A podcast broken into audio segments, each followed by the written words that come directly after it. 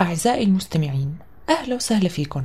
برحب فيكم أنا مايا بحلقة جديدة من برنامج أخذ وعطا وبذكركم أنه هذا البرنامج بالتعاون مع مبادرة كلنا مواطنون. أخذ وعطا الشام سوريا التاريخية سوريا الطبيعية هي أسماء تاريخية لجزء من المشرق العربي كان بشكل اليوم بالمفهوم الحديث كل من سوريا ولبنان والأردن وفلسطين اللي بتضم الضفة الغربية قطاع غزة والأراضي اللي أنشئت عليها إسرائيل بعد حرب عام 1948 بالإضافة لمناطق حدودية مجاورة مثل منطقة الجوف ومنطقة الحدود الشمالية بالمملكة العربية السعودية.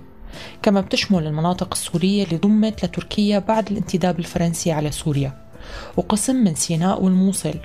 وعند البعض بتمتد المنطقة لتشمل جزيرة قبرص وكامل سيناء والعراق. قام على هي المنطقة من فجر التاريخ إمبراطوريات ودول متعاقبة وتغيرت تقسيماتها الإدارية لتنفصل عن بعضها أحيانا ولترجع موحدة بظل حكم إمبراطوريات ودول كبرى. وبالعصر الحديث وتحديدا من بدايات القرن العشرين تقسمت هي المنطقة ضمن اتفاقيات دولية لدول هي أقرب ما يكون لشكلها الراهن. حاليا شبح التقسيم عم يرجع بنظر بعض المحللين ليخيم على هي الدول مرة تانية بسبب النزاع المسلح اللي أخذ بشكل من أشكاله أبعاد إثنية وطائفية وخاصة بسوريا والعراق.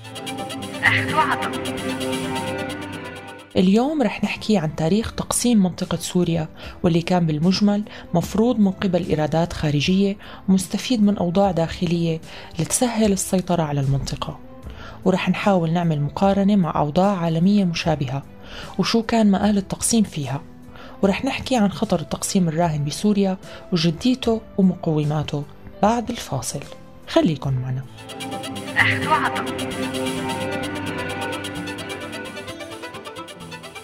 أهلا وسهلا فيكم من جديد.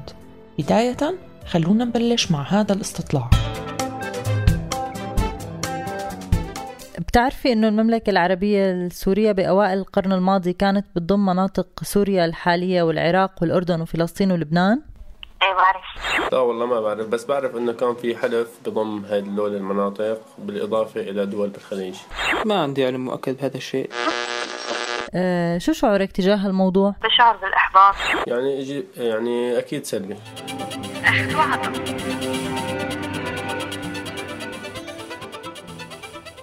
شهدت سوريا الطبيعية تغيرات جذرية بحدودها خلال الفترة الممتدة بين عام 1915 وحتى عام 1967 وتعرضت لنكبات ولحروب كبيرة خلال الحربين العالميتين. وما بعدهم وصولا للوقت الحالي اللي عم تشهد فيه حروب واستعمار من نوع جديد من الصعب تحديد وإدراك كامل أبعاده السياسية والاقتصادية وحتى الجغرافية. فبفترة انهيار الدولة العثمانية وتحديدا ببداية الحرب العالمية الأولى واللي نشطت فيها حركات التحرر الوطنية من الاحتلال العثماني جرت العديد من المفاوضات والترتيبات السياسية اللي أدت لتشكيل الوطن العربي بالشكل اللي وعي عليه أبناء الجيل الحالي. أما أجدادنا فشهدوا العديد من المفاوضات والنكبات والانتكاسات وشربوا مرارة الانكسارات اللي أدت لتفتيت بلاد الشام وخسارة أجزاء كبيرة من أراضيها اللي توزعت على دول أخذت تسميات جديدة وحدود جغرافية مختلفة عما كانت عليه. بدأت قصة التقسيم بما عرف بمراسلات هنري ماكماهون مع الشريف حسين سنة 1915 وبوقتها كانت بريطانيا على علم بالخلاف بين الوطنيين العرب وبين الدولة العثمانية. والتزم الشريف حسين برسائله بالقيام بالثورة العربية ضد الدولة العثمانية وتحرير الأقاليم العربية مثل الحجاز، الأردن وسوريا وتخليصها من الحكم العثماني بمساعدة بريطانيا. وكان التزام بريطانيا بيتمثل بالموافقة على وثيقة دمشق أو ما يسمى بروتوكول دمشق وهي وثيقة صدرت عام 1915 باجتماع زعماء القومية العربية مع فيصل ابن الشريف حسين بدمشق قبل المفاوضات بين الملك حسين ومكمهون.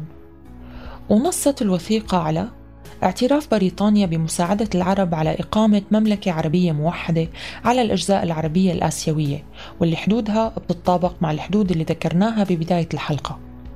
التزام بريطانيا بمساعدة هي الدول المستقبلية اقتصاديا وعسكريا.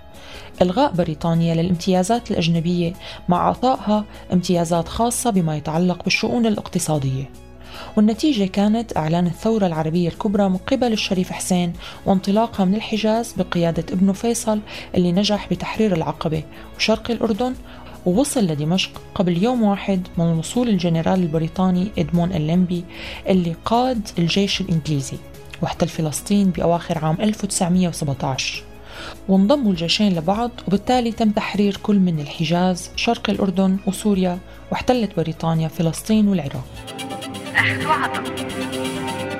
أما بريطانيا فما نفذت وعودها وعقدت ثلاث اتفاقيات مغايرة تماما لاتفاقها مع الشريف حسين.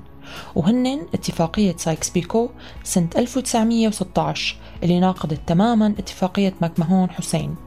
وقسمت الأقاليم العربية الآسيوية بمنطقة الهلال الخصيب لمناطق نفوذ فرنسية وأخرى بريطانية. وعد بلفور الصادر ب 2 11 سنة 1917 واللي بنص على أنه حكومة بريطانيا تنظر بعين الارتياح لإقامة وطن قومي لليهود في فلسطين. اتفاقية سان ريمو سنة 1920 واللي فرضت الانتداب البريطاني على فلسطين وشرق الأردن والعراق وفرض الانتداب الفرنسي على سوريا ولبنان. أما الشريف حسين فعين ملك فقط على الحجاز خلال مؤتمر فرساي سنة 1919 وتقرر بميثاق عصبة الأمم توضيح فكرة الانتداب اللي بيخول الدول العظمى الحصول على انتداب الأقطار العربية والعمل على تأهيل المنطقة وسكانها للوصول للاستقلال والسيادة الكاملة. الرئيس الأمريكي ويلسون أصر بوقتها على أخذ رأي السكان المحليين. إلا أنه بريطانيا وفرنسا رفضوا. وعلى أثرها تم إرسال لجنة تقصي حقائق أمريكية عرفت باسم لجنة كينج كرين وكانت نتيجة اللجنة رفض السكان المحليين لفكرة الانتداب ورغبتهم بالاستقلال التام. إلا أنه تقرير اللجنة بقي حبر على الورق وفرض الانتداب البريطاني والفرنسي على الدول العربية خاصة بعد انتهاج أمريكا لسياسة الحياد. فاصل ومنرجع. شي مرة سألتي جدك أو ستك عن شعورهم وقت تقسمت البلاد باتفاقية سايكس بيكو؟ إيه جدي كان يحكي لنا شوي. يعني جدي كان مع الثوار ما سألته بس كان يعني بيعرفوا بهيك شيء ما عندهم يعني ما كان في تقنيات الإعلام. جدي وستي يعني أو الكبار بالعمر المحيطين فيه ما سألتهم. بس يعني بعرف بشكل عام إنه اتفاقية سايكس بيكو معروفة. شو كان رأيهم؟ كان آه، كانوا مستائين للوضع وكانوا حاسين بالطبخة يعني وعرفانين إنه هيك بده يصير. بس هن كانوا مثل مثل الالعاب يحركون روحوا روحوا تعوا تعوا. ضد التقسيم. يعني كانوا محبطين بهي الشغلة. الرأي رأي الجميع طبعا آه، هي نقطة سوداء يعني بالنسبة لنا نحن العرب. طيب أنت برأيك كان بيطلع بإيدهم يوقفوا هذا التقسيم؟ وكيف؟ لا ما بتوقع كان كانوا بإيده. لأنه ما كان حدا يسمع لهم هي اتفاقيات دول كبرى وعم بيمشوها مثل ما هن بدهم.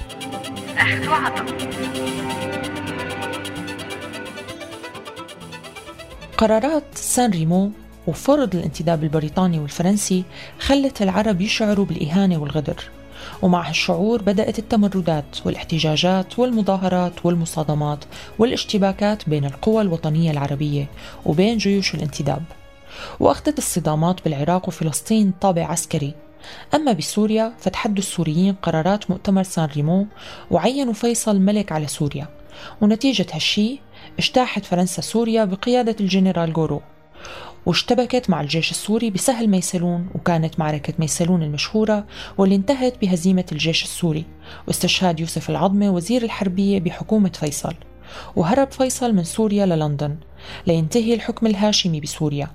إلا أنه معركة ميسلون كانت فاتحة لسلسلة من الثورات الوطنية اللي قامت بسوريا بفترة الانتداب الفرنسي.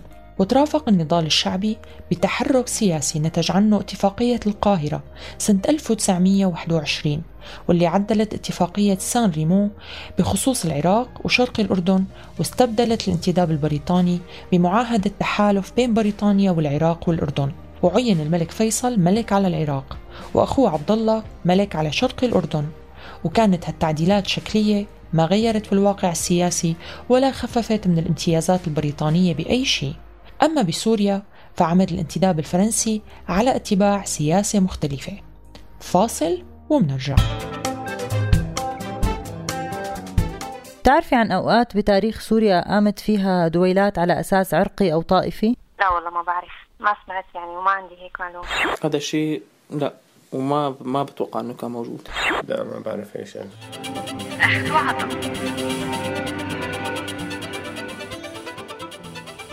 على إثر انهيار الحكم الفيصلي سنة 1920 اعتمدت فرنسا بسياستها الانتدابية واللي استمرت ربع قرن تقريبا على أنه بلاد الشام ما كانت تحت حكم الدولة العثمانية إقليم موحد وإنما كانت مجموعة من الولايات. وبالتالي محاولة إنشاء سلطة مركزية ممكن تزيد من التعقيدات المرتبطة بإدارة الإقليم. وكان مستشار المفوضية العليا روبير دوكي كان أحد أبرز الداعين لفكرة التقسيم الطائفي لبلاد الشام وكان مقتنع بضرورة استيعاب الاختلافات الدينية والطائفية ضمن نظام فيدرالي تشرف عليه فرنسا. واقترح دوكي فصل لبنان بدولة مستقلة وإنشاء ثمانية أو تسع كنتونات بسوريا. بس الجنرال هنري غورو قائد جيش الشرق العام والمندوب السامي للجمهورية الفرنسية بسوريا شاف بأنه يمكن الاكتفاء بأربع حكومات مستقلة. لأنه رح يكون صعب تحمل تكاليف عدد أكبر من أجهزة الحكم فتم تقسيم الإقليم على النحو التالي. دولة لبنان الكبير أعلنت بأول أيلول سنة 1920 وألحقت فيها أقضية بعلبك والبقاع وحاصبية وراشية وصيدا وصور ومرج عيون وطرابلس الشام وعكار وعاصمتها بيروت. دولة حلب أعلنت ب 8 أيلول سنة 1920 بقرار من المفوض السامي. نص على فصل ولاية حلب عن سوريا وإنشاء دولة مستقلة باسمها. دولة العلويين. أعلنت ب 23 أيلول سنة 1920 وتكونت من اللاذقية وجبلة وبانياس وصافيتا وطرطوس ومصياف. دولة جبل الدروز. أعلنت ب 20 نيسان سنة 1921 وأنشأت فيها حكومة برئاسة سليم الأطرش وعاصمتها السويداء. وأخيرا دولة دمشق واللي اتخذت من العاصمة اسم لإلها. مارست السلطة الفرنسية حكم مستقل لإقليم الجزيرة وحافظ سنجق الإسكندرون على استقلاليته المالية والإدارية حتى ضمه لتركيا سنة 1939 وفشل مشروع الدولة الأرمنية اللي كان مفروض أنه تشمل إسكندرونة وانطاكيا وعنتاب ومرعش وأورفا وأضنا بسبب التقدم العسكري التركي بهديك المناطق بهداك الوقت. لكن وبعد فترة قصيرة أثبتت تجربة الكنتونات الطائفية فشلها لأنه كانت عملية إنشاء خمسة أجهزة إدارية متكاملة من مسؤولين وموظفين وعسكريين وتأسيس بنية تحتية وخدمات بلدية وصحية وبريدية بكل دولة عملية كتير مكلفة. فانهار المشروع الفيدرالي بالتدريج وانضمت دولة حلب ودمشق بسنة 1924 واتخذ قرار ضم مناطق الدروز والعلويين للدولة السورية سنة 1936 لكن القرار ما نفذ فعليا حتى عام 1943 وأخذ الإقليم صورته النهائية بدولة لبنانية مستقلة وبقيت الجمهورية السورية على الوضع القائم اليوم. فاصل ومنرجع. خليكن معنا. خايفة شيء من خيار التقسيم حاليا بسوريا؟ لا ماني خايفة لأنه ما راح يصير إن شاء الله. طبعا. طبعا والخوف منه كبير. شو مساوئ تطبيق هيك شيء بسوريا؟ مساوئ التطبيق إنه راح ي... راح يكره بعض الشعب أكثر. بشكل خطر على البنية التحتية لسوريا كلها ممكن يستمر برأيك؟ التقسيم إذا صار؟ أيوة. لا لا لا ما بيستمر. نسبة إمكانية حدوثه 50%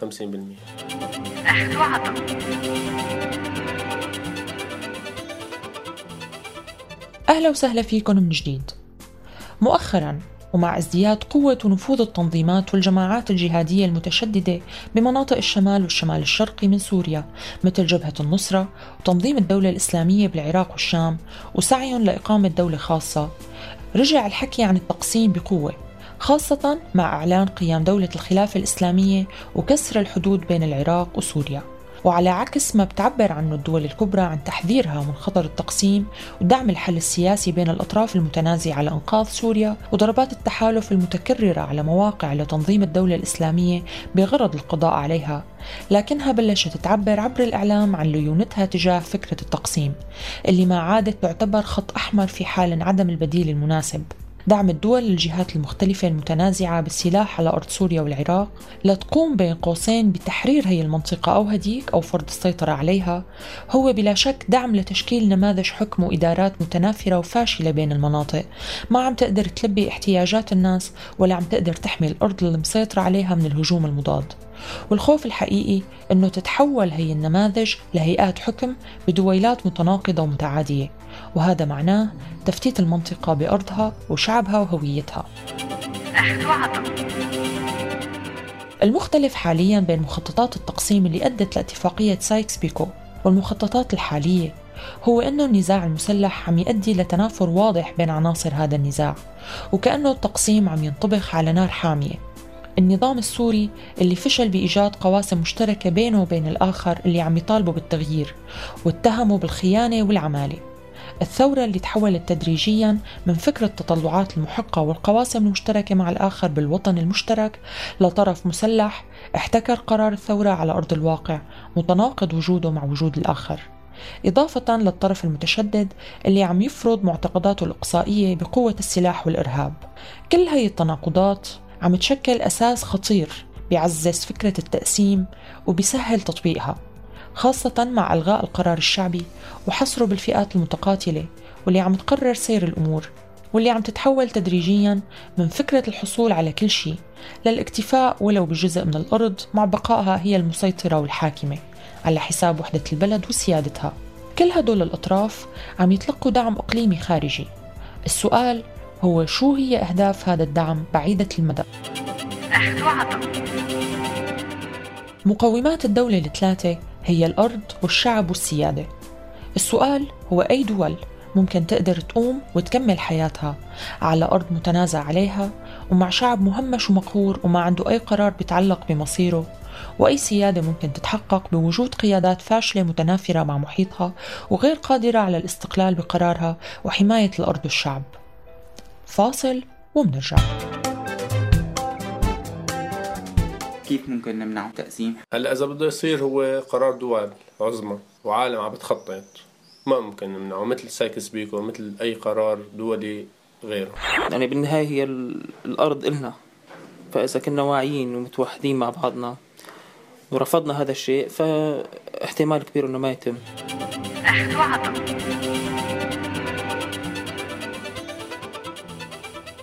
كثير من الدول والشعوب تعرضوا لتجربة التقسيم. بعضها كان مؤقت مثل تجربة ألمانيا بعد الحرب العالمية الثانية. بوقتها قسمت ألمانيا لأربع مناطق محتلة بحسب اتفاقية يالطا وكانت الدول المحتلة هي الولايات المتحدة الأمريكية والاتحاد السوفيتي والمملكة المتحدة وفرنسا. وبعام 1949 تم إعلان جمهورية ألمانيا الاتحادية بالمناطق المحتلة من قبل الولايات المتحدة الأمريكية والمملكة المتحدة وفرنسا.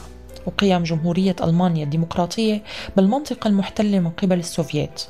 كان الجدار الفاصل والقاطع لمدينة برلين غير قادر على خلق حدود فاصلة بين السكان بالمدينتين وكان تنقل الناس بين ألمانيا الاشتراكية وألمانيا الغربية شبه يومي وخارج القدرة على الضبط من قبل القوات المسيطرة على طرفي الجدار.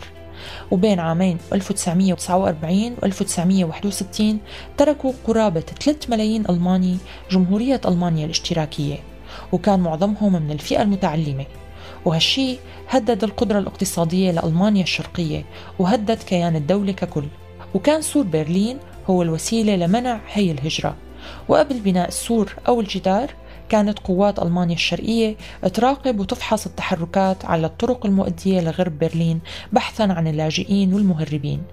وبقي جدار برلين المشهور أكثر من 28 سنة عم يفصل بين المواطنين الألمان حتى 9 تشرين الثاني من عام 1989 وقت اللي انهار جدار برلين وكان يوم تاريخي بحياة شعوب العالم. أما بولونيا اللي كانت مسرح لصراعات الدول العظمى بالحرب العالمية الثانية فتعرضت لاحتلالين هن الاحتلال الألماني والاحتلال السوفيتي. وبوقتها سيطرت ألمانيا على المنطقة الغربية من البلاد واللي بتضم معظم المناجم والمصانع. وأخذ الاتحاد السوفيتي المنطقة الشرقية واللي بتضم أهم مصادر الزيت والطاقة في حين كان وسط بولونيا تحت ما يسمى بالحكومة العامة. وبقي نضال الشعب البولوني مستمر ضد الاحتلال الألماني والسوفيتي واستمر لفترة طويلة حتى بعد وصول حكومة بولونية موالية لموسكو للحكم واللي كانت تتلقى أوامرها من موسكو وتعتقل كل المقاومين الوطنيين بالبلاد. لحد ما اجتاحت موجة الديمقراطية وانهيار الدكتاتوريات أوروبا الشرقية بالتسعينات. ونالت بولونيا نصيبها من التحول الديمقراطي. بالنتيجة تجارب التقسيم ومقاومتها كانت تتقاطع مع بعضها من ناحية الرفض والمقاومة الشعبية إلها وإن اختلفت بالظروف والأسباب وأطراف الصراع اليوم.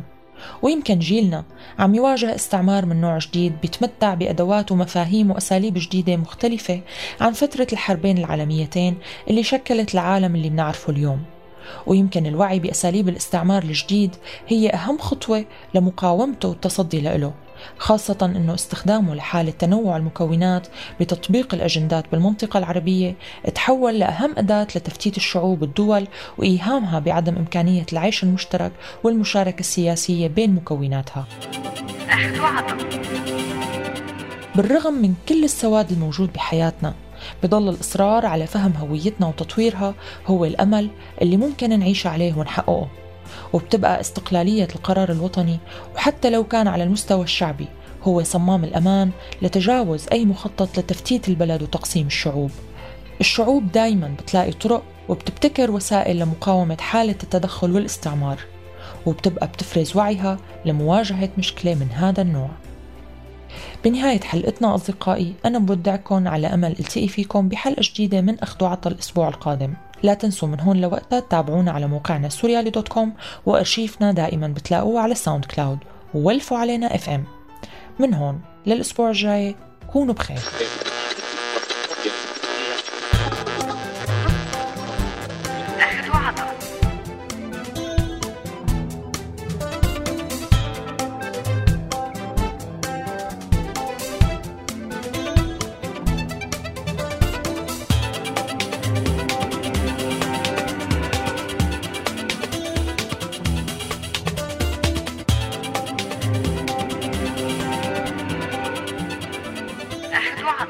هذا البرنامج من إنتاج راديو سوريا ل 2015